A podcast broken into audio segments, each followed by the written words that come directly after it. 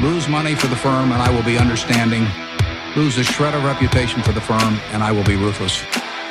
I welcome your questions.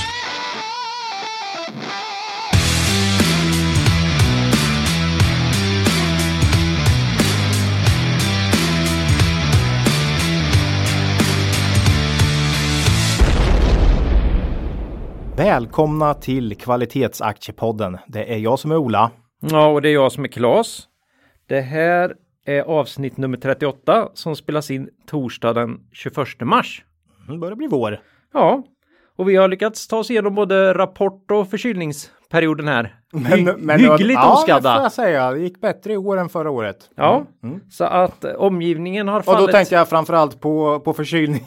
Ja, framförallt förkylningen va? Nej då. Rapporterna. Rapporten har gått bra med. Ja, vi, hade, vi hade väl, Ja. vi kaxade oss väl till och med lite Ja, grann i, ja, men i, i, en tidigare podd där så att nu får vi nog hålla fast vid att det ja, det har gått väldigt bra. Mm. overall blev en väldigt trevlig eh, rapportperiod. Vi har ju något bolag vi ska ta upp idag här då som, Mhm. som, som kan tillhöra den andra sidan lite grann kan man säga. Eh, vi vill också som vanligt eh, tacka vår samarbetspartner Börsdata. Ja, grymt. Mm, värdeinvesterarens bästa vän. Ja, kommer vi använda en hel del idag här Ja. faktiskt när vi pratar om investmentbolag Ja. på slutet. Ja, vi ska göra återvända till dem. Det var ett tag sedan nu. Mhm. Folk fortsätter att fråga, så då får vi väl fortsätta att svara då kan man säga. Mhm. Eh, så att eh, idag blir det lite aktuellt. Som vanligt. Sen tar vi två rapporter, en ganska aktuell och en som har lite några veckor på sig, snarare att folk faktiskt vill veta vad vi tänk, tycker och tänker om G5 Entertainment. Mm. En gammal klassiker, så de kommer. Eh, vi gör ju någon slags favoriter i pris med investmentbolag. Vi tog dem väldigt kort här. Det var Eh, ett år sedan nästan, eller? För ett år sedan ungefär. Ja. Eh, när jag kommer lite längre ner i manus här så kommer jag också kunna återge vilket avsnitt de var med i. Mm.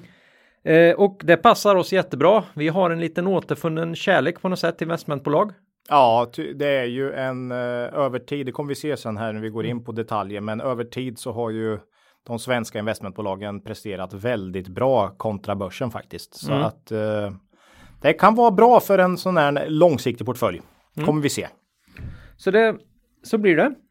Men innan vi går vidare i avsnittet då vill vi påminna våra lyssnare om att aktieinvesteringar alltid innebär ett stort risktagande. Aktier kan både gå upp och ner i värde. Satsa därför aldrig kapital på aktier som du inte är beredd att förlora. Det vi säger i podden ska aldrig betraktas som köp eller säljrekommendationer.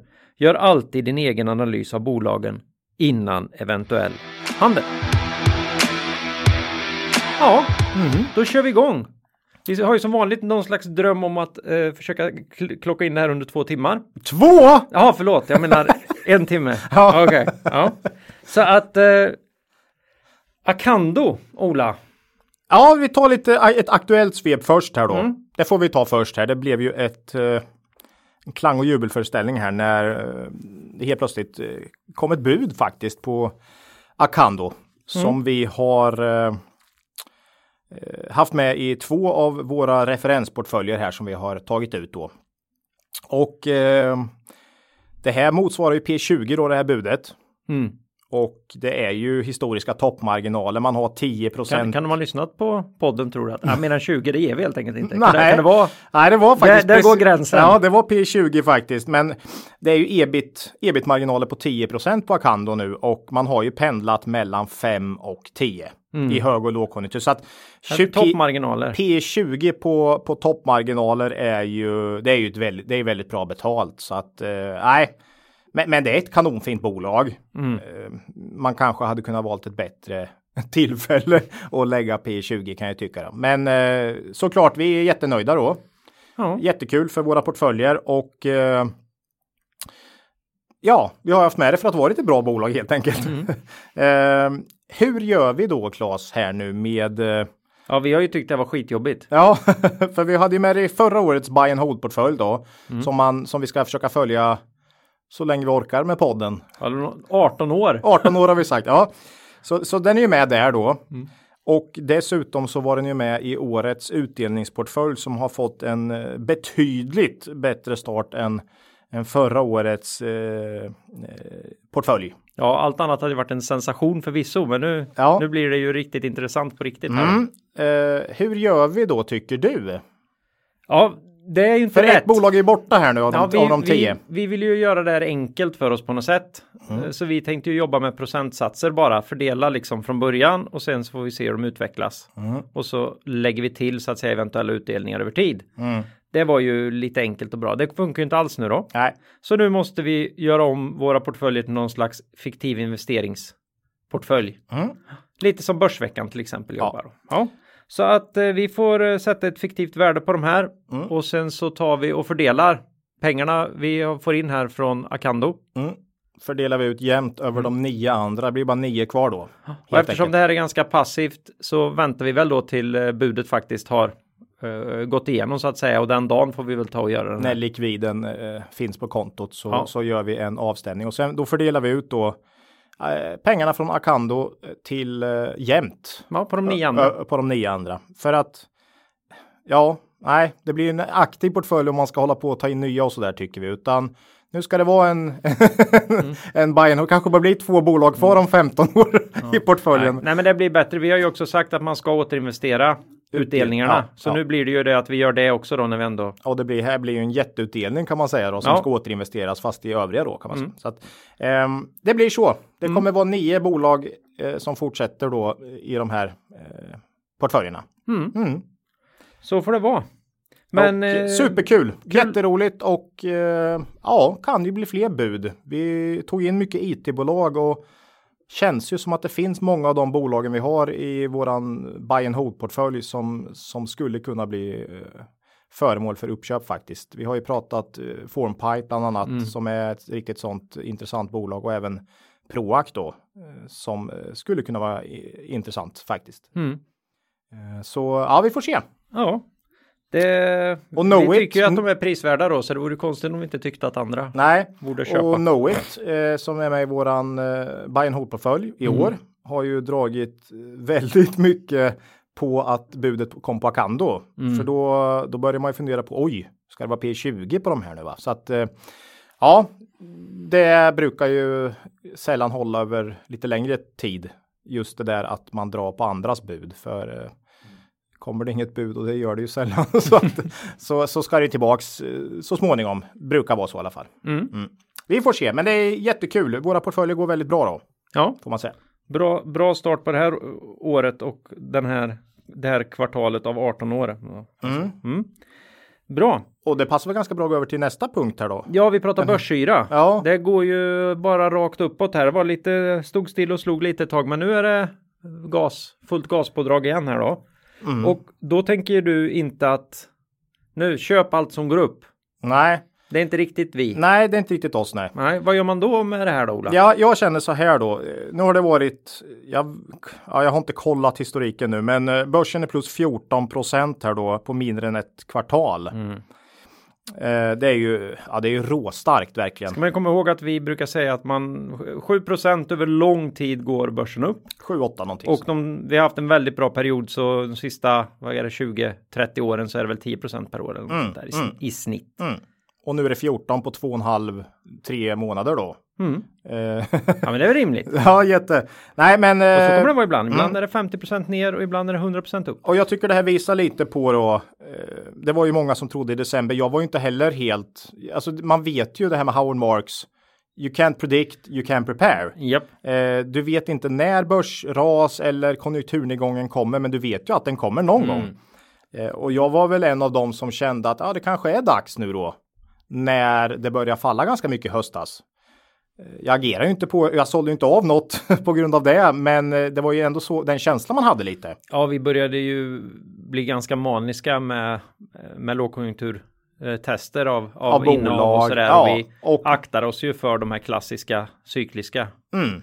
Och man har ju, vill helst inte ha för mycket andel i, i ett enskilt bolag. Nej. Eh, och så att man blir fast då kanske om, om likviditeten dras undan och, och dessutom så vill man inte ha eh, för små bolag osäkra. Mm. Mer eller mindre då. Så att eh, vi, vi var ju där också med många andra och kände att det kanske är nu det stora kommer liksom. Och det var ju inte många som, som tror jag, som trodde då i slutet på december eller december att börsen skulle gå upp 14 procent på två och en halv månad sedan. Det, det, är ju, det är ju, visar ju bara hur få, extremt svårt det är. Liksom. Få som skrev så på Twitter i alla fall. ja, och överallt i alla tidningar och vad det är nu. Nej, men Howard Marks är bra där tycker jag och mm. man ska ta tillfället i akt nu tycker jag när Mr Market är eh, riktigt. Han är glad i hågen. Han är säga. verkligen glad nu. Eh, kolla igenom era portföljer nu. Eh, är ni belånade? Handlar ni med lånade pengar då aktier? Eh, eller har ni för stort innehav i enskilda bolag? Har ni bolag som ni är tveksamma till kommer klara sig vettigt i, i sämre tider? Ja, se till att då städa, ska man säga vårstäda era portföljer nu medan Mr Market är på bra humör. Det är mycket lättare nu än som det var i, i höstas. Må, om, om man försöker vara lite duktig och hålla lite rimlig eh, riskspridning också så kan man ju ha en del grejer som har viktat upp rätt rejält. Ja, visst. Då kan det ju vara läge att ta hem en del mm. så att du får en, en rimligare en rimligare spridning i din portfölj igen. Mm. Det kan, kommer vi ju kunna se lite grann sen när vi pratar investmentbolag. Just det. Att det, det kan bli lite riskfyllt att ha enskilda innehav som börjar utgöra. Det är ju jättepositivt att det går upp. Mm. Men eh, ja, fundera var, varför hade du den här riskspridningen från början? Har det blivit mindre eller större risk nu? Mm. När de här har gått upp. Fråga Howard Marks så, skulle han nog säga att nu är din risk som störst. Mm. Så ta hem lite. Du behöver inte gå ur dem, men ta hem lite. Nej. Det vanliga man ser är ju att folk blir mer och mer riskbenägna desto mer börsen går upp på något mm. sätt. Att man hoppar in i tveksamma case och man tar ganska stor risk helt plötsligt. Men det är nu, det, det är nu man ska mm. se över sin portfölj tycker jag verkligen. Vi har ju en del likviditet i våra portföljer. 25 procent någonting och Nej, för att det är lite svårt att hitta riktigt bra case. Ja, det var, det, det var lättare när, i höstas. Ja, mm. när, det, när det sticker så här så blir det lite jobbigt igen. Ja, eh, ja så så. Sover mm. ni gott och eh, det här Buffett brukar säga kan börsen stänga ner i tio år och ni kan känna er trygga då, då har ni en en sån där portfölj som klarar börsnedgång. Mm. Mm. Bra, eh, så bra läge att justera och ta ner risk då. Ja, ja. Eh, sen hade vi några bolag vi ville nämna under Aktuellt här då. Vi har ju en del av de här bolagen som vi har följt ganska nära. Mm. Som ändå har börjat, ja det har hänt en del. Mm, ja just det. Och vi, mm. Du hade Tar du dem i ett svep eller vill Ja, du... vi kan ta dem i ett svep här tänker jag. Det är många som har frågat mm. på mail och Twitter då. Hur tänker vi med Proact, Enea och Svedol mm. som har varit kanske våra tre ska man säga starkaste käpphästar här senaste ja, eller, året. Eller tjatigaste, tjatigaste ja. tjata år i huvudet case. Eh, och då, då är det ju många som frågar nu hur gör ni? De har ju gått väldigt starkt på börsen nu sista tiden och eh, har gått upp väldigt mycket helt enkelt. Mm. Hur gör ni? Och eh, jag, jag har ju när vi har pratat om det här Claes har jag sagt nej, våra lyssnare ska inte göra som oss. Nej. Det är ju min syn på det här utan de ska ju fundera och analysera på egen hand och podden ska mer vara eh, uppslag mm. eh, för dem. Så, så, jag har ju egentligen inte velat. Nej, för det är helt omöjligt att göra som oss i och med att vi kommer ut varannan vecka. Ja, och vi är väldigt aktiva då skulle mm. jag säga. Eh, långsiktiga.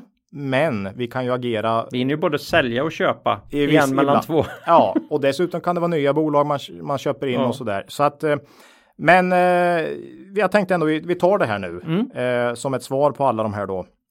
Eh, Proact och Swedol är ju fortfarande stora innehav i portföljen. Japp. Eh, om man nu vill veta hur det ser ut i, för oss. Vi tycker båda aktierna fortfarande värderas lågt i förhållande till historik och tillväxtpotential helt enkelt. De har väldigt fin historik och det är P11 på Swedol och kanske 13, 14 på Proact ungefär. Mm. Och det är ju inte så där jättedyrt faktiskt med tanke på historik eh, och, och bra potential framåt. Eh, Enea däremot har vi nu faktiskt sålt då mm. efter ungefär eh, cirka 100 uppgång sedan vi köpte för ett år sedan. Och det är ju lite om man går tillbaks till BTS hade väl också gått ungefär 100% på ett år och då börjar ju vi så där. Eh, det är väldigt troligt i alla fall att man börjar närma sig någon form av gräns för vad vi tycker en aktie är värd. Ja, ofta, ofta kan det vara så, eller det vi gör är att vi helt enkelt ser att ja, de har uppnått våran, mm. vad vi förväntar oss. Ja, och eh, vinsten har inte gått 100 procent. Nej, nej. Utan eh, vinsten har gått väldigt bra och både Enia och BTS, om vi tar dem tillsammans här, för det är ju bolag vi har sålt efter kraftiga uppgångar då, mm. så eh, fortsätter ju de gå väldigt, väldigt bra som bolag. Men vi tycker att eh, värderingen i Enia till exempel då är mer rättvis i dagsläget. Det är inte någon sjuk rabatt längre som vi tyckte vi såg då. Mm. Och eh, då försöker vi flytta över pengar till till andra case med, med rejäl potential. Däremot tror vi Eller inte... till och med till likvider som vi Där till, till avslöjade likvider. här innan att Ja. vi, vi hellre ligger på en. Ja, en, en bolag För som då inte får vi press på oss och faktiskt hitta andra bolag med lite, med lite mos i så att säga. Mm. Med lite säkerhetsmarginaler i. Precis, eh, men Enea, vi tror ju fortfarande på att bolaget, det ser väldigt bra ut framåt för Enea. Mm. Men jag tycker att kursen idag, eh, ja, det finns lite förväntningar nu helt plötsligt, vilket inte fanns för ett år sedan tyckte vi. Mm. Så ja, så är det.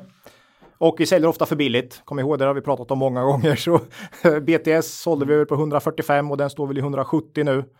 Eh, det, vi gör som Buffett, köper för billigt, köper för tidigt och säljer för tidigt. Det, Ja. ja. så Nej, brukar det vara. Men det, det reparer, repareras ju av wh- to know when to buy så att Ja, säga. precis. Vi köper Eh, ändå det är det vi försöker göra. Vi försöker köpa grejerna när de är. Nej, men så av de här tre raketerna så har vi Proact och Swedol kvar och Enea har vi sålt för tillfället. Hoppas kunna komma tillbaks till detta fina bolag eh, framöver. Det blir ju ofta så. För att nu byggs det någon förväntan här. Många som kommer in nu och trycker upp dem till de här nivåerna har ju ingen aning vad de håller på med egentligen. Ah, är Sen så är lite nya ja. förvärv här. Ja, jo, är Förvärv, ju. Mm. förvärv är aldrig oproblematiska. Nej. Vdn tar ett steg tillbaka. Mm, jo, det Kan mycket väl hända att det blir en liten städning eventuellt någonstans eller så här. Så Kan det är en bli. liten sättning Kan här. bli. Mm. Så det är ju, vi är ju beredda att gå in igen.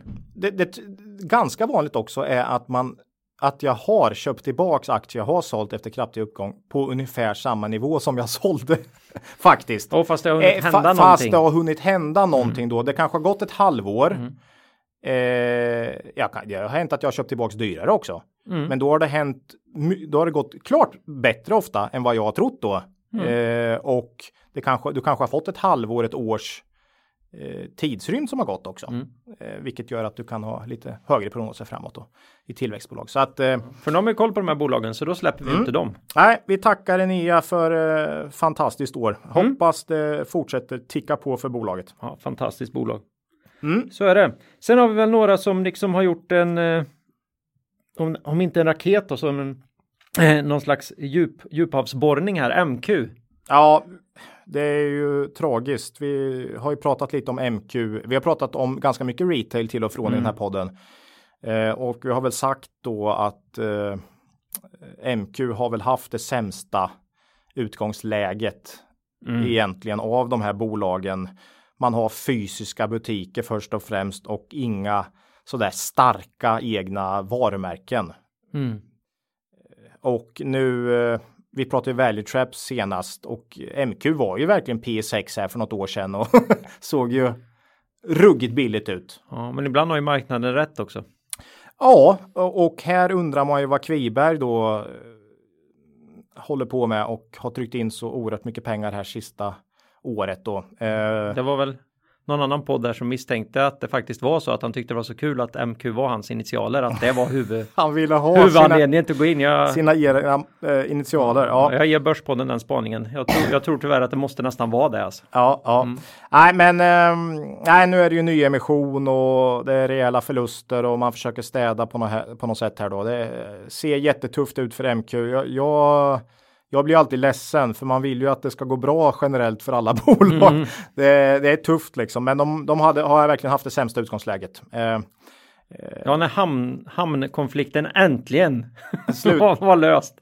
Jag tror ju, du märkte det att den här nyheten kom ju samma dag eller precis när hamnkonflikten skulle braka lös där. De räddade ju på, på kvällen där. mm, Det skulle väl gå igång på natten och de var klara vid var nio på dag. kvällen eller något sånt där. mm, mm. Och precis då kom ju MQ med det här också, för jag tror ju att de tänkte ta allt Skit på en gång. På en gång, men så kan de ju inte skylla någonting på hamn. Nej, de skriver ner en halv miljard också Ja. i, i materiella tillgångar och sådär. Det är sånt där vi tycker om att vi har i balansräkningarna. Mm. Inte. Inte nej. Nej, men eh, tufft för MQ. Eh, De andra klädbolagen här som eh, H&M redovisar lite siffror här. Försäljningssiffrorna var ju helt okej. Vi får väl se nästa fredag tror jag det kommer ju själva rapporten Mm. med resultat. Eh, svårt att säga, men eh, vinsten kommer väl ser ut som att de kommer tappa lite vinst igen då faktiskt. Eh, och Kappahl var väl klara sig väl med nöd och näppe, men det, det är tufft. Mm. Men MQ som sagt. eh, Ja, vi har, Ja, det är lite botten ur. det är botten ur. Vad var börsvärdet nu? Det ja, det var ju så löjligt. 180 miljoner något va? Från en miljard. En, Nej, jo, den har tappat från en miljard, absolut. en miljard ner ja, till. 180 miljoner och eh, ja, det är inte mycket. Nej, Så eh, vi ska ju faktiskt köra en eh, sån här mikro, Mikro- mikrobolags eh, special nästa gång tänkte vi. och då kan det kanske bli MQ. MQ då. nej, nej, nej. Där det- får vi se Ja, ja. nej, det, om de hinner, om de hinner ner så att säga. Mm, mm. Ja, Snart är liksom eh, inredningen och eh, skyltarna med loggorna på butikerna värda mer än, än själva börsvärdet. Vi får se. Ja. Mm. man börjar snacka slaktvärden i MQ. Ja, det är tungt. Mm. Så är det. Eh, bra. Det var väl eh, det vi hade under Aktuellt här. Ja, Ja, då går vi raskt vidare då in på någon slags analysdel här och den är indelad i, i, i två. Det blir alltid lite annorlunda när det inte är rapportperioder för oss ju. Mm. Eh, vi borde väl vara rapport eh, bolagsrapports eh, podden. Podden. egentligen. bara komma ut i rapporttider. Ja, det, det, vi får se vad som händer med det. Men, eh, två klassiker först då. Eh, och det blir Systemair och G5. Mm. Och sen så gör vi i, i den här delen någon slags investmentbolags special här. Så det, det är liksom dagens, Fråga. eller dagens, avsnittets fråga här. Mm. Som vi, vi ska försöka brodera ut lite rejält. Ja. Och ta lite hjälp av börsdata här också då. Mhm. Men det kommer sen, utan nu blir det då först Systemair då. Och det här är ju fläktar och ventilation. Det är Skinnskattebergs stolthet och de har haft jättesvårt att putsa upp margila- marginalerna till forna tiders glans. Mm. Och då undrar jag Ola, är det här krackelerat bladguld vi ser? Eller är det fortsatt ett solitt case? ja, bra fråga. Här har vi också fått mycket, en, en hel del frågor. Mm, det kan man förstå. Det kan man förstå. Mm. Eh, Systemair då eh, har ju så, brutet räkenskapsår. Så de kom ju faktiskt här nu förra veckan. Mm. Eh, de släppte sin Q3 då och eh, där fortsatte ju omsättningen ticka på jättebra. Plus 14 procent organiskt 6,2 plus. Det är ju starkt. Mm. Väldigt bra. Ebit ökade med 18 procent. Och eh, vinst per aktie dock bara med 8 på grund av skatteeffekter. Rörelsemarginalen i Q3 landade på 4% och det är ju faktiskt lite under femårssnittet som är 4,5. Mm. Eh, och eh, ja, jag hade nog trott på ungefär det historiska snittet faktiskt, så det är något sämre. Q3 är ju ett historiskt svagt kvartal för bolaget. Det syns ju tydligt i den här säsongshistoriken om man har koll på den. Eh, och i år var det dessutom två färre antal arbetsdagar än förra året. Eh, så man hade ju lite tufft i år. Ändå så steg då ebit med to- 18 procent faktiskt. Mm. Men det är mycket engångskostnader fram och tillbaks här och jag har faktiskt helt slutat justera för dem nu.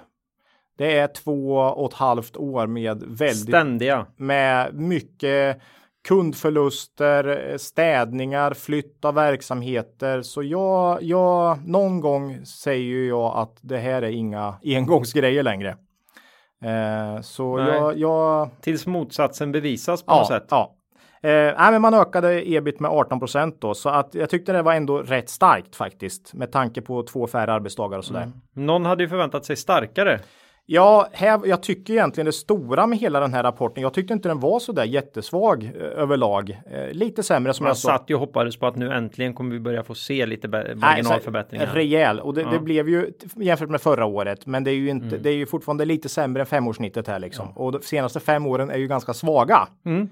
Eh, men de som hade riktigt fel var ju då eh, och det jag tyckte stack ut mest var ju analytikernas förväntningar här som eh, Ja, det är inte många som följer systemär.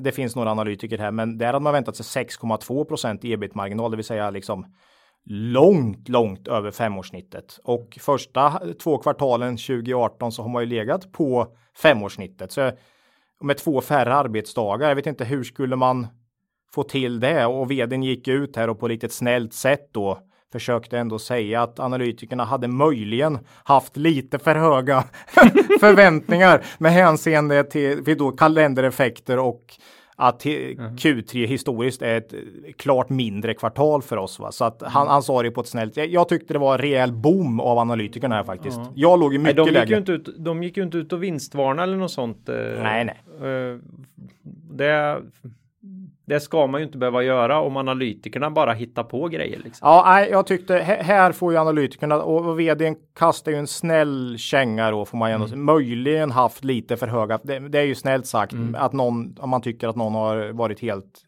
ja. ute och cyklat. Nej, vi hade ju mycket lägre förväntningar på den här rapporten och tycker inte det eh, var någon eh, direkt ko på isen så att säga. Nej. Eh, engångskostnader som jag sa, det är fortfarande en hel del. Man hade mer förra året faktiskt, så det minskar lite. Men jag justerar inte för dem, utan jag ser det som som kostnader jag, nu, mm. utan det får helt enkelt bli bättre och mindre engångskostnader framåt och då kommer det se bättre ut helt enkelt. Men nej, jag, jag tar med dem som vanliga kostnader just nu faktiskt. Eh, har hållit på så länge. Vad kan man säga framåt här då? Mm. Det är mm. mycket det det handlar om eh, i, vad gäller aktier. Och eh, nu kommer ju ändå ett, ännu ett säsongsmässigt svagt kvartal här då. Nästa kvartal. Det är ju Q3 och Q4 som är de klart svaga och Q1 och Q2 som är de starka. Mm. Har alltid varit så i, i det här brutna räkenskapsåret. Ja. Vi hade, var det förra podden vi började diskutera om vi helt enkelt skulle skita i bolag med brutet? För eller? att det är så jobbigt och, ja. ja. Eller det var kanske en annan diskussion. Nej, jag, jag börjar mer och mer. Ja, det Nej, finns så många... vi har nog inte råd att göra det tyvärr. Nej, vi, har, vi har svårt att hitta case och mm. så då tycker vi det får, det får en... Det får passera. Det får passera. Mm. Um, det kommer igen ett svagt kvartal här nu då. Historiskt svagt. Mm. Uh, alltid svagt. Uh, faktiskt det historiskt svagaste då på året.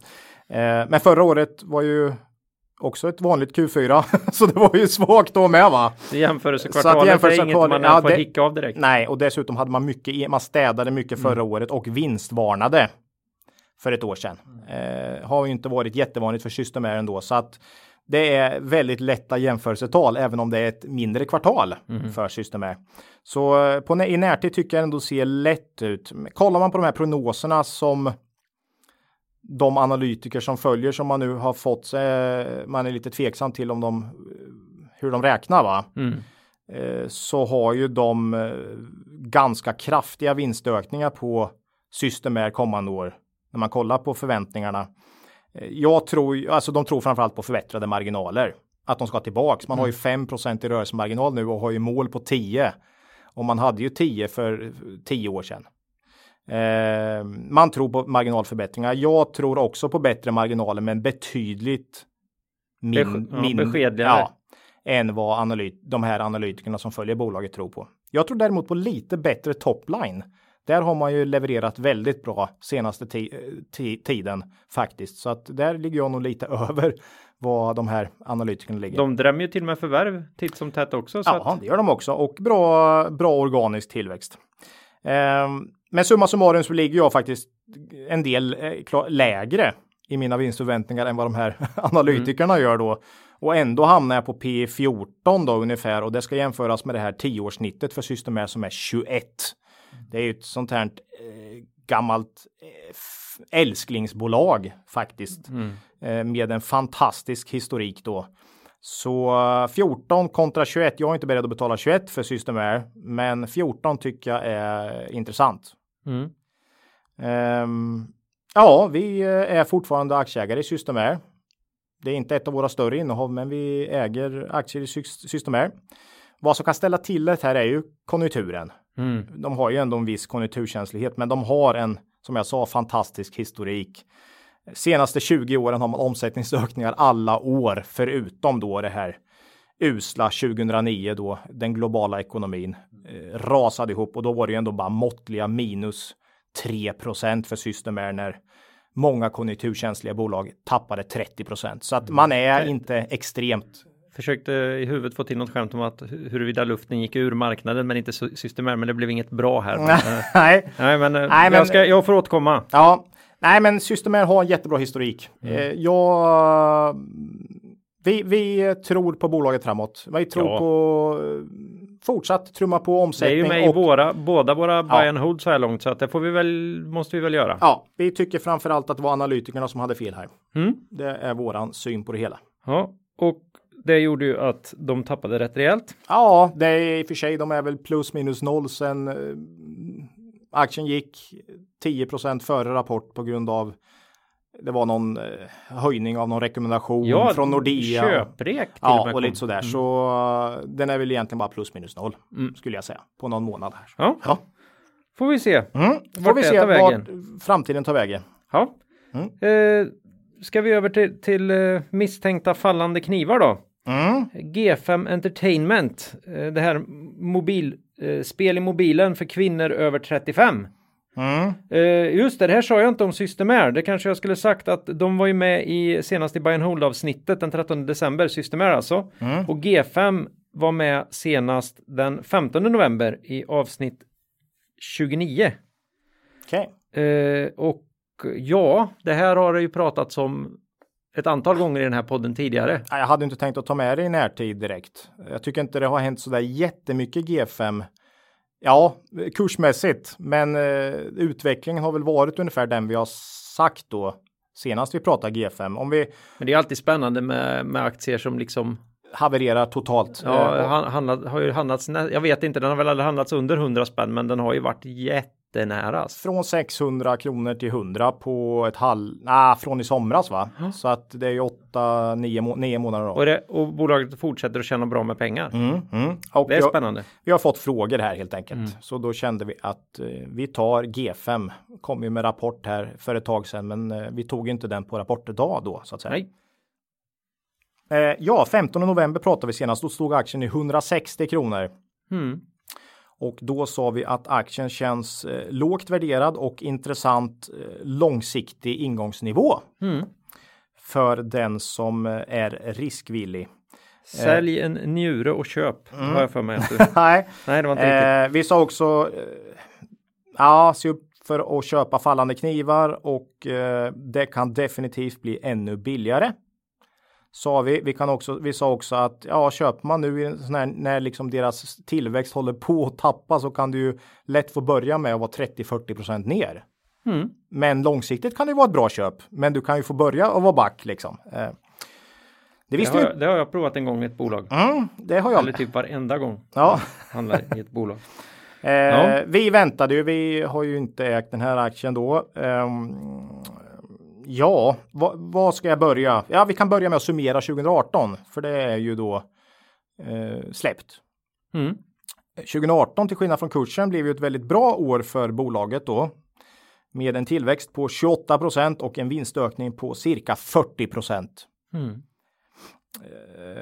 Jag tror att vi i podden tidigt 2018 pratade om en vinst på kanske 16 kronor per aktie. Det landar på 14,50 så det var ju inte helt så där eh, galet. Mm. Eh, rusningen under våren från 300 till 600 tyckte vi var galet. Mm. Sen nu den efterföljande nedgången från 600 till 100 känns ju nästan lika galet. Mm. Så kan vi väl sammanfatta.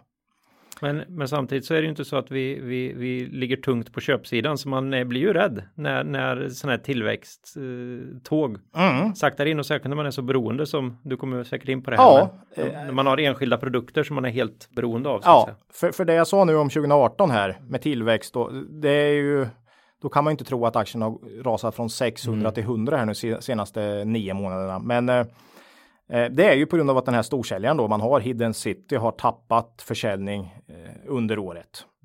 Och eh, vi pratade om det här i somras när vi pratade om G5 när de nästan stod på sin peak då att eh, det kan ju bli ett glapp i intäkter här Mm. om Hidden City börjar tappa lite för det finns ju inget som kan mäta sig. Liksom, det var ju 6, 7, 8 gånger större än tvåan nästan. Eh, och det är ju det som har hänt då Mm. nu faktiskt. Och det börjar synas helt enkelt. Um, H1, H1 nu 2019 då så lär man tappa omsättning. Om man bara kollar på hur det här spelet har gått. Liksom. Avdelning för tuffa jämförelsetal. Ja, Mm. Eh, kanske minus 20 procent i, Mm. oms- i omsättning nu under våren. Eh, är väl rimligt att gissa på. Eh, lönsamheten beror ju en hel del på hur mycket man trycker på med användarförvärv. Men jag har känslan av vad Vlad har skrivit och så där. Och när man tittar på hur spelen går så Vlad verkar är det vdn här. då. Ja, just det. Så verkar det som att man har dragit ner en del på användarförvärv nu, eh, vilket gör att marginalerna kanske kan hållas på en hyggligt okej nivå ändå. Sen har man ju under hela hösten och hela förra året har man ju öst på med nyanställningar. Mm. Så man har ju skaffat sig en väldigt mycket rejälare kostym kan Ja, man säga. personal och utvecklingskostnaderna kommer ju ska ju slås ut på en lägre omsättning helt enkelt. Och det kommer ju dra marginalerna neråt. Eh, på positiva sidan, ytterligare en grej. Eh, Hidden City är ju det enda spelet man har royalties för. Så de här spelen man inte betalar royalties för blir en större andel nu. Så att du har egentligen två ganska starka saker då som drar marginalerna uppåt. Eh, medans det du sa då om personal och utvecklingskostnader drar då marginalerna neråt här nu då. Ehm, men eh, svårt att köpa ett sånt här bolag när man inte ser någon riktigt tydlig arvtagare tycker vi till Hidden City. För det är fortfarande väldigt mycket större än tvåan. De var ju på någon sån här investerardag här om sisten CFO. Mm, Eh, möjligt. Jag såg inte den. Men... och någonstans här så börjar det ju ändå, det är inte, de är ju inte bara Hidden City ändå. Så, så någonstans här så kommer de ju, kommer man ju börja märka att de har flera, de har flera titlar som ändå har en publik och som har en Ja, ja, ja. intjäning så att säga. Och Visst. alla av dem har inte pikat och, och så heller så att eh, nå, någonstans här så kommer man väl kunna se om man jämför med ett läkemedelsbolag så har de några Mm. några klassiska produkter på hyllan. Mm. De rivs inte ner men de, de funkar så att säga.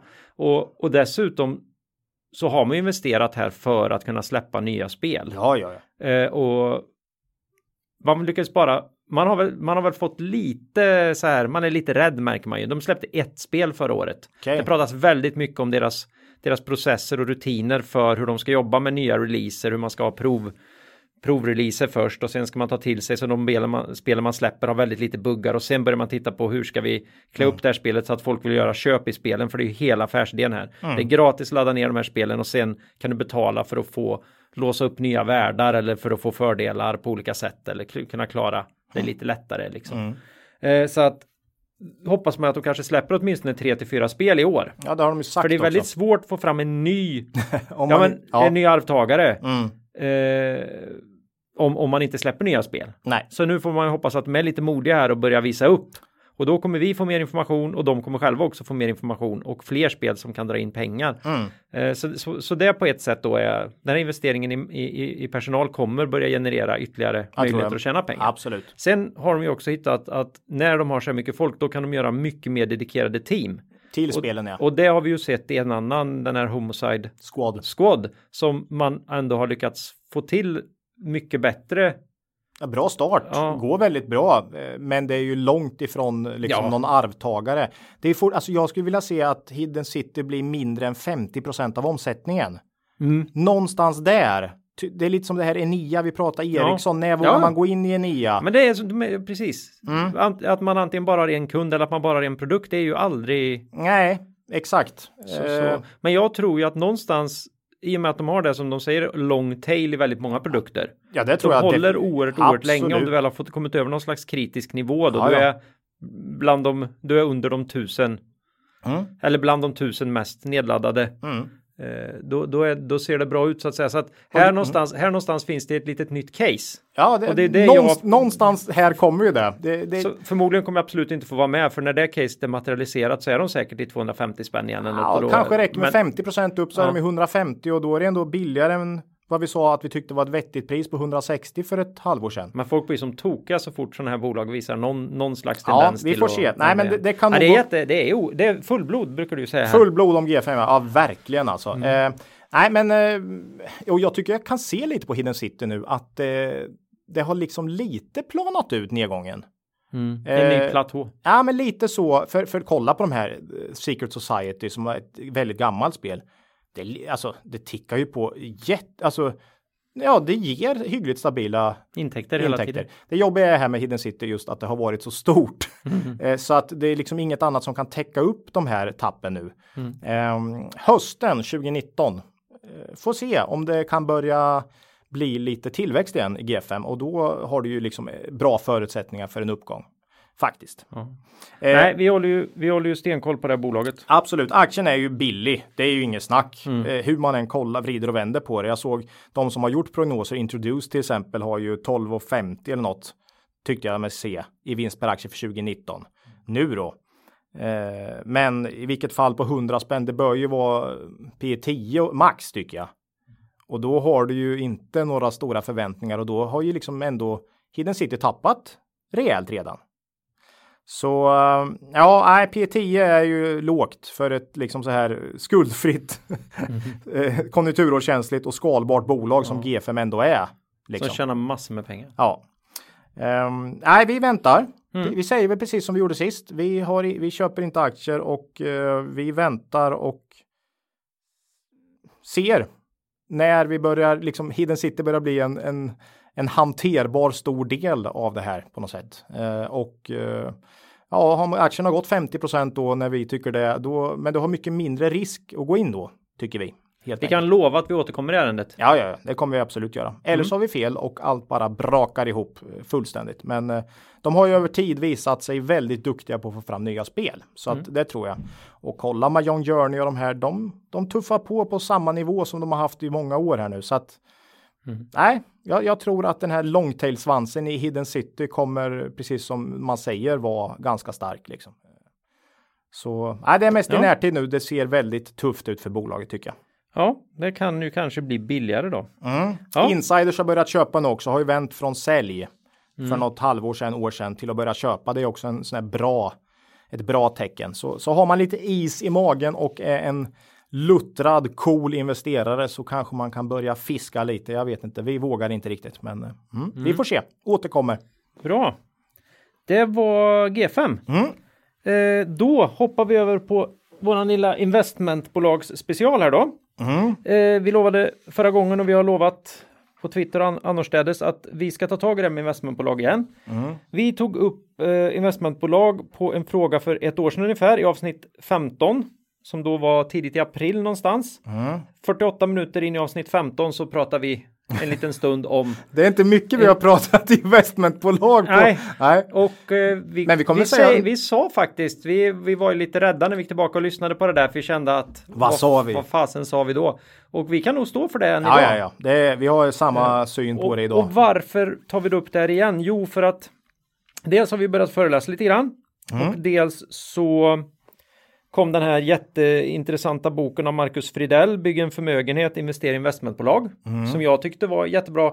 Och det här är ju för att vi, vi har ju, jag säger varje gång jag säger det, vi har inte sagt det tillräckligt många gånger, men då säger vi det igen.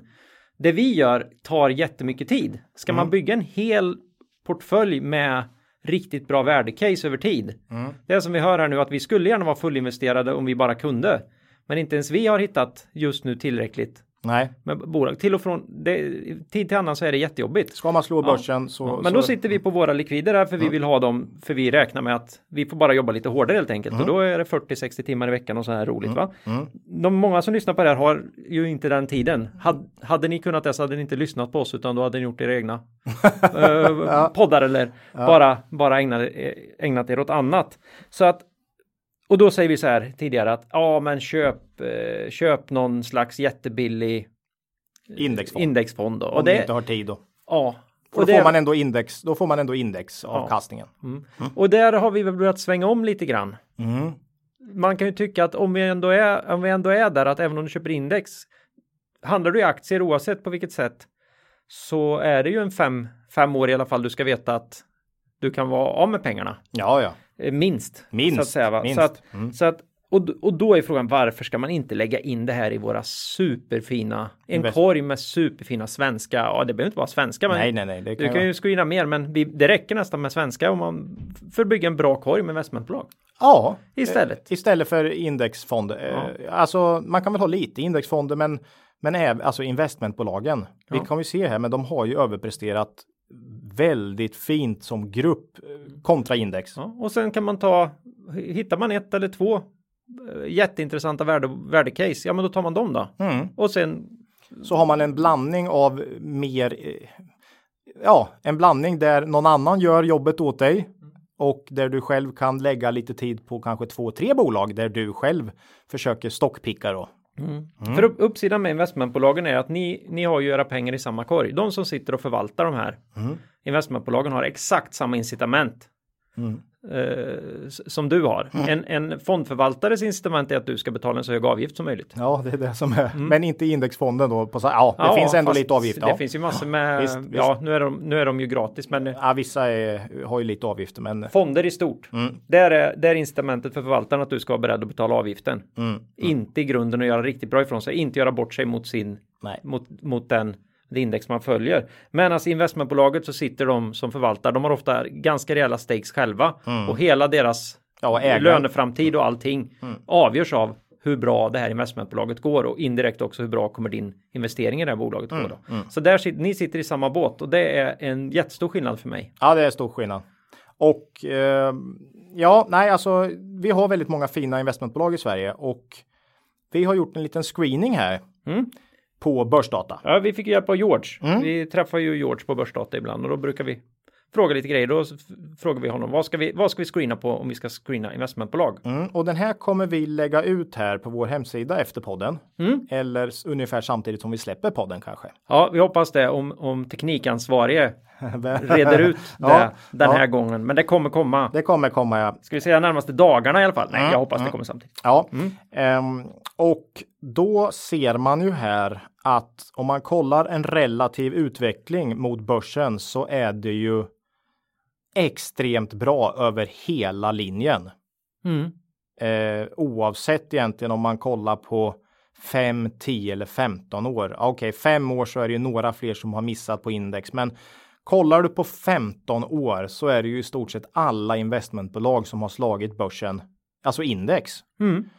Eh, vilket då gör ju att det kanske är bättre att ha en korg med investmentbolag än index. Ja, Helt enkelt. Visst är det så. Och det som är så bra med att, gå till börsdata det är ju att George har en massa färdiga Mm.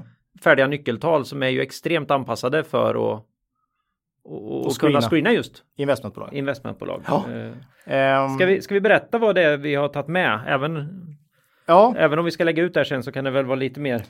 Alltså investmentbolag, vi brukar ju normalt sett inte bry oss om historisk kursutveckling i de aktier vi köper. Men här har ju, här är ju den historiska utvecklingen kopplad till substansvärdet Mm. väldigt hårt då.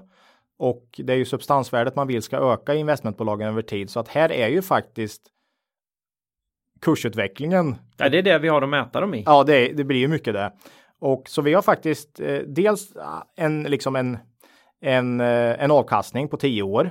Vi har relativ utveckling jämfört mot börsen Mm. på 5, 10 och 15 år för att se lite olika. Och det nyckeltalet är ju himla kul. Mm, mm. Sen har vi direktavkastning med för att se vad de delar ut. Vi har eh, hur mycket eh, utdelningen har vuxit med per år senaste 5 och 10 åren. Och sen har vi först då substansrabatt. Och Och här det är ju margin of safety på något sätt. I... det blir ju lite det. Mm. Men om vi tar den relativa utvecklingen först så kommer ni ju se här att det, överlag så är det extremt bra utveckling för investmentbolagen kontra börsen. Och det är ju ganska imponerande. Investor, det, det känns ju som ett tvärsnitt av börsen. Ja, det är ofattbart hur de kan. Eh, hur de kan slå börsen så pass mycket. På tio år här så ser jag att de har slagit börsen med 180 procent. Mm, precis. Och Svolder 440 procent slagit börsen på 10 år. Kinnevik plus 116 procent. Lundberg 195, Öresund 110, Bure 371 bättre. Alltså det är extremt bra utveckling på investmentbolagen. Ja. Eh, så jag tycker att är man långsiktig och liksom vill inte, alltså inte har tiden att sitta och stockpicka själv så lägg en del av eh, av portföljen i investmentbolag helt enkelt. Men köp när det finns en bra substansrabatt tycker jag. För då, det är ju där vi tycker margin of safety finns i de här investmentbolagen. Och den är ju inte särskilt bra i dagsläget. För många av de här är ganska högt värderade ja, ja. relaterat, eh, relativt substansen. Latour har ju en premie på över 20 procent nu till exempel. Eh, så mm, Men Investor B här är för 14 procents substansrabatt, ja. idag. Kinnevik har substansrabatt och lite sådär så att eh, eh, ja, det, det Hur många, hur många ska man ha då? Om man bygger en korg? Fem, sex stycken i alla fall. fem, fem kan vi säga. Kan man ha några, någon global här- indexfond och, och lite så också och sen Ja. så lite stockpicking. Så. Mm. Och sen är det ju så schysst att de här är ju helt suveräna att hålla på och skala in sig om man har ett månadssparande till exempel och så Ja, här. ja. Så det är lite som fond. Att, att det är klart att kommer in helt fel här. Mm. jag, jag tar hela arvet här och trycker in det. Investor. I, ja, eller i, i fem av de här och sen så får vi den här sättningen då som, som måste komma förr eller senare. Det är klart att, men det är ju mindre ont i vissa av de här också, för många har ju en hel del onoterat Mm. som, som inte mäts utifrån Mm. någon slags dagsform på, hos Mr Market utan faktiskt på vad de gör. Nej, så skala in här är ju jättebra. Mm. För att tro att inte Investor tappar när börsen går ner, det är ju bara larvigt. För Det blir är- tufft för dem då. de kommer gå ner, så är Mm. det liksom. Ehm, Men nej, det är väl så vi kan säga. Jag tycker det är en bra bas Mm. för en långsiktig portfölj. Ehm, li- Liksom en långsiktig aktieportfölj. Nej, helt men jag har slagit om här. Eller Mm. vi sa det egentligen förra gången med, men utifrån historisk performance här så, så skulle jag ju, och jag gör det själv också i de, i de sparanden som är nu, att tar hellre Mm. En, en korg med investmentbolag. Och Det behöver absolut inte bara vara svenska. Nej. Det är klart, jag äger ju, det vet ni ju, Berkshire. Berkshire bland annat. Mm, mm. Eh, kan ju vara lite valuta mot vind i den i en investering i den just idag, men över tid så naturligtvis så jämnar det också ut sig. Mm. Eh, och det finns jättemånga fina eh, investmentbolag och konglomerat där ute ja. som du kan hitta, till exempel med hjälp av Med börsdata. långsiktiga ägare som jobbar över lång tid. Det är Mm. ju mycket det också. Om du kollar på Latour och Investor. de- Alltså, det är ju långsiktighet här. Och det är klart att eh, vi säger ja, bara det här med svenska igen då. Ja, men alltså de här bolagen, de här, de äger Investor till exempel. Jag vet inte hur mycket deras, av deras slutmarknad som är Sverige, men det är inte, Nej, det är inte jättemycket Det är till globala slut. Va? bolag. Atlas Copco, va? Electrolux och det sådär. är va? globala bolag. Mm. Så att nej, vi. Eh, det är ju lite knepigare att säga det att köpa en korg av bra eh, investmentbolag. Mm. Eh, jag kan rekommendera Fridells bok här också då, man, Marcus Fridell. Det blir dagens eh, Boktips. boktips. Ja. Om, om man funderar på det här.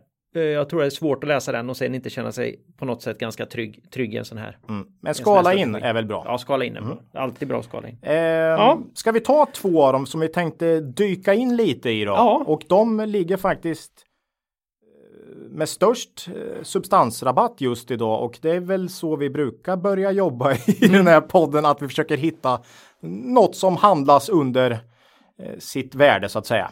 Eh, men som sagt överlag historiskt så har det varit jättehög substansrabatt i många av de här 30 procent, 20-30 procent, eh, 30 kanske på Investor och sådär. Så substansrabatten är mindre nu än vad den har varit historiskt och det kan ju ha med eh, bra börsklimat att göra. Jag, jag vet inte. Eh. Så är det. Ja. Eh, Vad ska jag säga något om Investor då? Det här är ju familjen Wallen, eh, Wallenbergs investmentbolag. mm, Eh, jag vet inte om de egentligen på ett sätt är avknoppade av SEB en gång i tiden, för det är väl deras bank va? oh, De, fick- inte. det är väl den här historien, det finns i boken, historien om att bankerna fick inte äga företag och så fick de bilda investmentbolag. Men nu är det ju så att Investor har sin eh, har fa familjens andel i SEB istället då, ligger Mm. ju där under och Atlas Copco Electrolux är ju stora innehav här. Ja. Eh, vi måste ta Investor. Vi, vi, kommer ta Investor och Kinnevik här då, som vi går lite på djupet på. Eh, vi börjar med Investor. Man har ju då noterade kärninvesteringar. Det är ju, det är Wallenbergs först och främst, då får vi ju säga. Eh, Wallenbergs maktbolag kan man säga. Investmentbolag. Eh, 70% av bolagets eh, ägande finns i de så kallade noterade kärninvesteringarna. Vilka då är, ja det är ju fina bolag här. ABB, AstraZeneca, Atlas Copco, Electrolux, Ericsson, Husqvarna, Epiroc, Nasdaq är med faktiskt, Saab, SEB, Vertisäle och Sobi faktiskt. Eh, har man med som de stora här och det är alltså 70% av Investors eh, substans faktiskt. Eh, sen har man då eh, helägda dotterföretag som man kallar Patricia Industries 30 eh, och det är då eh, lite mindre bolag eh, som finns över i stort sett hela världen. Bland annat Mölnlycke ligger med där. Permobil eh, ligger faktiskt med som, en, eh, som ett bolag där. Eh, och sen så har man en liten andel av bolaget, cirka 5 är EQT, som är det här investeringsföretaget då, som investerar mycket i startups. Är det inte någon sån här ständig diskussion om att de ska bli särnoter- Mm, Jo, det är faktiskt då Mm. på, på tapeten, så det får vi ju se. Det har nog varit på tapeten rätt länge så det är frågan om det någonsin händer. Ja, eh, så det var ju då faktiskt, det blev ju 105 procent där ser jag, men de har ju viss belåning också som drar ner substansvärdet till 100 igen då. Mm. Eh, ah, ska man prata invest, alltså att köpa Investor är ju mycket att köpa svensk industri. Det, det är ju så man får, får se det som liksom. Man måste ju tro på Sverige här över tid då på något sätt. Eh, Eh, över tid har ju Investor då, som vi, om vi kollar här i den här screeningen vi gjorde på börsdata så är det sju år har man, fem år har man slagit eh, OMX S30 med 71 procent. Eh, på 10 år 179 procent och på 15 år 330 procent. Mm. Det är ju grymt när man i mångt och mycket är börsen. Alltså det är ju riktigt starkt. Mm. Är det ju. Eh, I börsnedgångar har Investor tappat med börsen. Det är bara att gå tillbaka och kolla här. Jag kollar 2001, 2002. Då var man väl ner 60 eh, tror jag från topp till botten och 2007, 8 där 9 så var man ner 50 Mm. Så det är ju ett, det är ju, det kommer spegla börsen, men över tid har det faktiskt gått bättre. Mm. Om vi säger så då. Om vi drar ut eh, tidsperspektivet. Men det följer ju börsen. Investor kan ju inte gå upp med 50 procent om börsen går ner 50. Det, är ju, det, det säger sig självt. Det är orimligt när man är så mycket eh, börsen. Va? Eh, substansvärdet per aktie var 486 spänn här såg jag vid utgången av Q4. Aktien står nu i cirka 420. Eh, så det är ju 14% substansrabatt där då, men värdet på innehaven har i och för sig ökat här under våren. Så det kanske är 20% substansrabatt nu. Mm. Någonting mm. skulle jag tro i dagsläget. Eh, Investor har alltid handlats med ganska stor rabatt. Det kommer jag ihåg när vi gick på universitetet också. Mm. Det var säkert 30 då eh, ungefär. Om man pratar om maktbolag och gör de verkligen det bästa för för aktieägarna? Mm. Är, är, det mer för att man vill, vill behålla, behålla sin makt? Mm. Eh, men vi ser ju här att man har verkligen varit bra för aktieägarna, eh, bättre än börsen. Va? Och man har ju mycket av sitt ägande i det noterade så är man ju inte, man är inte jättestor liksom. Nej. Man har så en 16, ja 16-17 procent i flera bolag. Liksom. Mm, mm. Det är inga maktpositioner även om man ofta tillskansar sig lite mer röster. Men... Mm. 30, 20, 30, mm. men liksom det. Så att nej, jag, jag tycker. Eh, ja, 20% substansrabatt här. Det, det visst, det, det är bra, men som sagt, de har alltid handlats med rabatt. Eh, man har en väldigt fin utdelningshistorik. Man har inte sänkt utdelningen så långt eh, på tio år i alla fall, det vill säga börsdatas historik. Mm. Och nu har man drygt 3% i direktavkastning, så det, det är väl liksom ganska normalt. Eh, ja, nej, ett tvärsnitt på svensk ekonomi och jag tycker det här är ett, eh, ett, ett en bra bas i en långsiktig aktieportfölj. Faktiskt. Mm. Investor. Det är svårt att säga något annat när man slår när man slår börsen över tid och det är många kan jag säga som inte slår börsen över tid. Så mm. då, då, är det ju bra helt mm. enkelt. Ja. Duktiga. Men kom ihåg, går börsen ner så går ju Investor ner. Mm. Och så ditt tips om att skala in i de här är ju inte dumt alltså. Att månadsspara in under ett par år. Nej, precis som man ska göra med fonder också. Så mm. det mm. Eh, relativt det alternativet så känns det riktigt bra. Ja. Eh, men då behöver vi några till, men vi tar en till här idag i alla fall då. Mm. Och det är ju Kinnevik. Ja. Så då säger jag om Investor är den gamla ekonomin så har Kinnevik på något sätt alltid varit den nya. Ja, bra, precis så tycker jag. Mm. Det är så man känner det. Det är familjen Stenbecks då mm. bygge här. Ja. Mm. Eh, Zalando. Ja. Tele2 och mm. sen massor med hippa bolag som jag knappt vet vad de heter. Ja. Eh, ja, här har du ju Hugo, Jan och nu, senaste tiden Kristina då som också har tagit ett steg tillbaks nu faktiskt då. Ja. Eh, har ju utvecklat det här. Man har ju alltid varit en, eh, ska man säga, en utmanare mot etablissemanget va? Mm. Med Comvik då och eh, Tele2. Eh, TV4 var man ju stor ägare i som utmanade då Monopolet. TV-monopolet. Mm. Metro, gratistidningarna var ju en ny grej eh, som jag inte riktigt vet hur det har gått med lönsamhetsmässigt. Jag vet inte vart de är riktigt Det är nu. nog tufft. Ja. Eh, riktigt tufft till och med. Och numera Zalando. Mm. Ja, det är ju idel utmanare mot eh, de gamla liksom. Etablerade mm. sanningarna. Ja. Eh, kollar man idag så är ju Millicom och Tele2 har ju under lång tid varit stora stöttestenar i portföljen. Nu är ju dock Zalando där uppe också. Man var ju extremt tiltade mot Zalando här för något år sedan. Men aktien gick ju ner ungefär 50% under 2018, vilket vi tyckte då Ja, vi, vi, har inte varit ett av de stora fanen av Zalando just på grund av deras. Ja, vi, vi tror det kan bli svårt att få till en bra lönsamhet över tid. Men tillväxten kommer de säkert ha, men med relativt låg lönsamhet tror vi. Mm. Eh, men aktien har ju tappat en hel del under 2018. Nu är den dock upp nästan 50% i år tror jag. Ja, Zalando. Zalando. Mm. Så eh, minus 50% under 2018 och plus 50% i år. Då är man väl ungefär minus 25 då kanske mm. jämfört med starten på 2018 och det gör att Zalando är i paritet med storleken på Millicom och Tele2. Mm. Så de här tre bolagen är ju i mångt och mycket eh, eh, Kinnevik idag faktiskt. Um, ja, det är de tre bolagen man ska hålla koll på helt enkelt om man ska köpa eh, Kinnevik först och främst.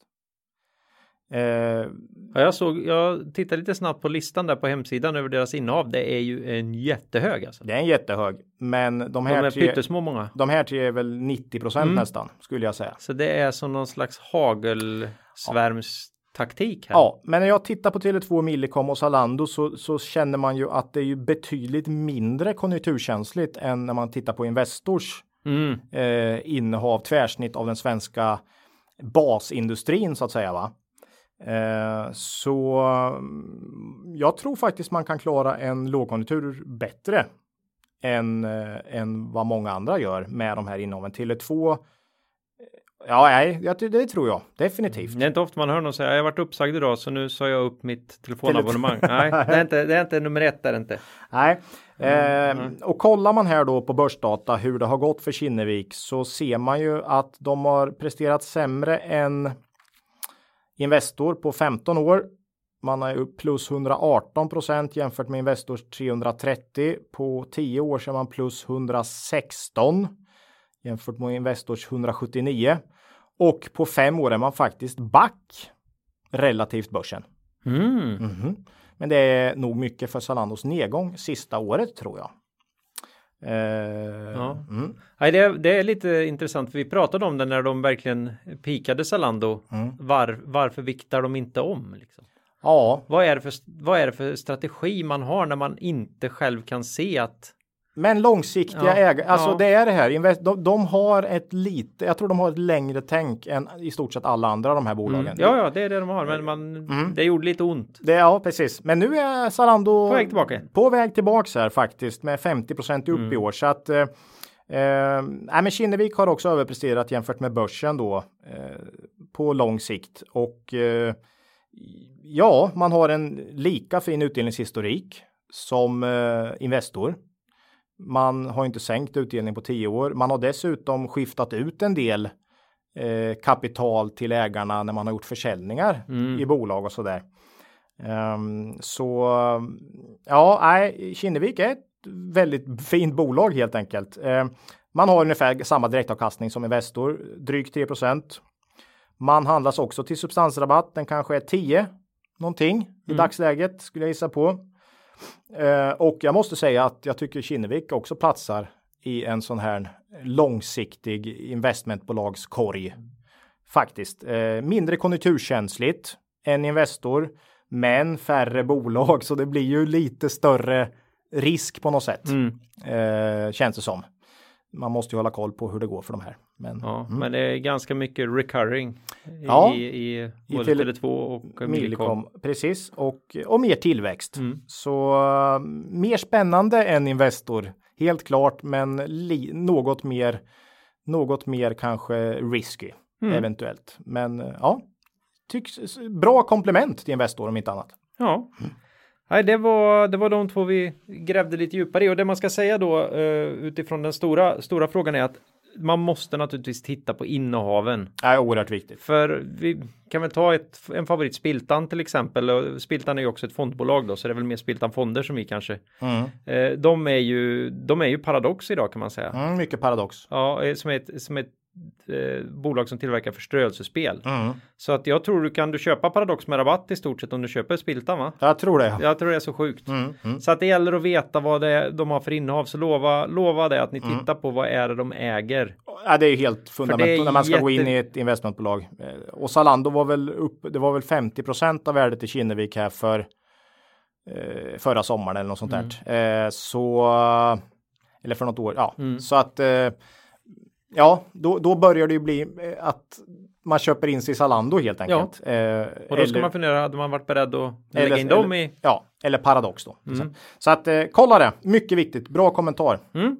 Kolla Eh, innehaven. Ja, det var det var väl specialen på investmentbolag där kan man säga. Mm. Ja, Inget och, vi eh, investerar i, men nej, det är imponerande vilken fin, vilket fint track record bolagen har. ja, och, och privat och lite pensionspengar och sådär så kan jag definitivt göra det. Mm. Absolut, Man absolut. hinner inte vara aktiv överallt jämt. Så, Nej, säga. nej. Eh, så det var det och det var också lyssnarfrågan Mhm, idag. Så för att försöka hålla den här under en och en halv timme då, eller till och med kanske klara de här två timmarna som jag Ja. sa innan här så, eh, så hoppar vi snabbt in på citatet. Vad har du grävt fram idag då, Claes? Jag känner väl att, ja det är Buffett igen. Ja, men nu var det ett tag sedan va? I, ja, förra podden. då, då, då, då var det investerar, då var det investerarbrevet Ola, så att det är ju ändå två veckor. nej herregud. Ja, alltså. ja, det, ja, ja, Mm. Buff, Buffett-podden. Buffett-podden, ja men det är ju det. Ja. Eh, Så är det ju. Eh, Och eh, då har han sagt så här och tycker det kopplar tillbaka väldigt bra till det med investmentbolag då. Someone's sitting in the shade today because someone planted a tree a long time ago. Det är ju så bra sagt. Det är så fint sagt så man tror ju det är någon sån här Edgar Allan Poe. Ja, jag, eller- jag gjorde lite eller- efterforskningar på det här, men det verkar som man är ganska överens om att det var Buffett som, som Okej. sa det här först. Man sitter i skuggan idag för att någon planterade ett träd för länge sedan. Eh, ja, nej, men det är ju jättefint sagt såklart och det är ju lite kopplingen till just investmentbolag. Hur, vilket extremt långsiktigt tänk. Eh, det, Och är, att det ändå är så lönsamt. det är nästan som man känner att de här generationerna då Peter och Jakob och eller Hugo. Och Jakob innan det också. Ja, eh, eller Hugo och och Kristina och allt liksom. Eh, Och Marcus och Marcus har de också hetat. Ja, eller Ja. heter Marcus. Han Ja, lever. men all, alltså gam, gamle heter Marcus. generationerna i de här investmentbolagen. De ser sig. De, visst, ibland känner man att de ser sig själva som en del bara i en långt i, i, ett, i ett, flö, ett historiskt flöde på något sätt. Va? Eh, och att de bygger för kommande generationer liksom. Hela tiden. Hela tiden. Eh, och vi är ju extremt mycket för det här att tänka långsiktigt. Även om vi handlar relativt mycket på kort sikt ibland så är det ju det är ju den långsiktiga tänket med investeringar och att bygga värde över lång tid som vi bygger vår investeringsfilosofi på. Eh, så att nej, det här passar ju väldigt bra det här citatet, både idag och för våran filosofi i allmänhet egentligen. Eh, gör det ju. Mm. Med tiden blir det bra helt enkelt. Eh, och det har ju Buffett visat på många sätt då. Eh, till exempel Mm. att eh, bara du låter tiden göra sitt så blir det bra helt enkelt. Eh, ränta på ränta etc. Mm. Ja. Nej, nej, det, det där var väl eh, med mycket för att det helt enkelt är fint och som vanligt då så Mm. säger det ju det vi vill ha sagt. Vi tar ju aldrig några citat som säger något annat än Men det är klart. Det är klart. eh, Och bra koppling till Investor och Kinnevik Ja, och de andra verkligen det. Ja, men Investor kan man väl tycka och andra sådana här stora Ja. familjedynastier. Mhm. Mm. Eh, det var det. Mhm. Då är det väl så att vi ändå kanske ser ljuset i tunneln här nu då. Som på något sätt då ska markera slutet på den här podden. Så i nästa avsnitt, Ja, vi har ju st- vi stick- favorit i repris då. Ja, jag har också fått frågor om faktiskt. Ja. Kan ni inte? Mikrobolag igen då. Och mikrobolag, jag vet inte, vi kommer nog sträcka oss kanske upp till 150 150 miljoner i börsvärde. Ja. Småbolag, men några riktiga mikro ska Ja, det är ju mikrobolag, det är ju Ja. det. Nu är ju, ja precis, det är det ju. Eh, så är det. Eh, MQ, Vi gjorde- vi gjorde MQ något- bland annat då på sikt här. Vi gjorde något för något år sedan.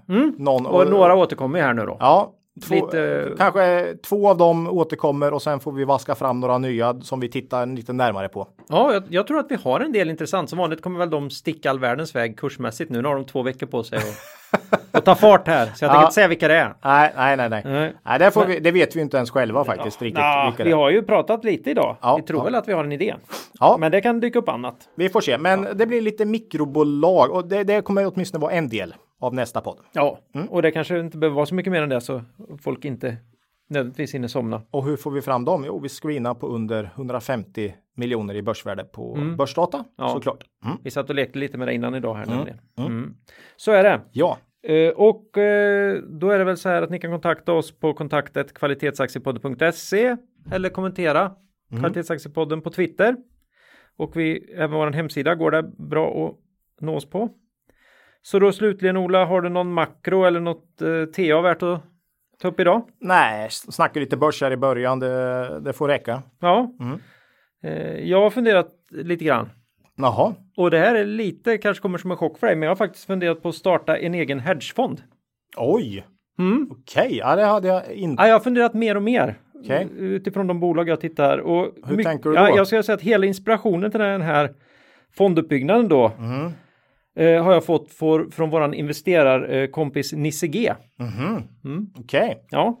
Mm. Eh, och fyra av innehaven i, initialt i, i min hedgefond har jag klart då. okej, få höra. Shoot. Nummer ett då, och det är ju jättekopplat till idag, Ratos. Mhm, Det har ju gått riktigt, riktigt dåligt egentligen det var det. för det, för det investmentbolaget då. Mm. Så det ska man väl inte kanske vara ett av de här första man, Ja, man plockar upp då. Nej, Men, ja, ja, men. och en anledning till att det gått så jäkla dåligt, det är ju att man har skaffat då eh, Plant- det, plantagen, eller plantagen eller vad det kan heta, originalet. Norskt. Och, och det måste väl vara en av de största återförsäljarna av häckar i Sverige. så det är definitivt det är Okej, nummer det ett i min hedgefond. hedgefond. Japp. Ja. Sen då, nummer två. Mm. Byggmax. Ja. Det är ju tack vare då Skånska Byggvaror. Man håller ju på och bygger om det till det här Garden Living Ah. med, med riktigt fina växthus. Mm. Och där kan du driva upp dina egna små häckplanter. Okej, okej, Rundar du plantagen där. okej. Så att eh, Två, två bolag nu, som om, platsar. lagd, om man nu är lagd åt det hållet så att säga. då? Ja, Japp. de förstår jag båda två vad, vad de gör i din hedge, Nummer tre. Mm. Husqvarna. Den kan inte vara svår. Nej, det är väl då eh, sån här kla- klassisk häcktrimmer eller? Ja, häcksax. Häcksax ja. Har för alla smaker och alla, alla behov. Mhm. Någon Har jag faktiskt en, en, eh, en, en sån hemma faktiskt. Mm. Mm. Eh, dito kan jag säga. Eh, någon, någon elektrisk historia där som Mm, jag med tyvärr. Batteridriven. ja, tuggar på riktigt bra. Det, det är grejer det. Eh, fjärde då. Och, Mm. eh, Den sista och kanske den mest givna då är ju Actic Group då. ja, den fattar jag inte riktigt. Actic, vad är det? Gym, eller? Gym. Ja, de... Eh,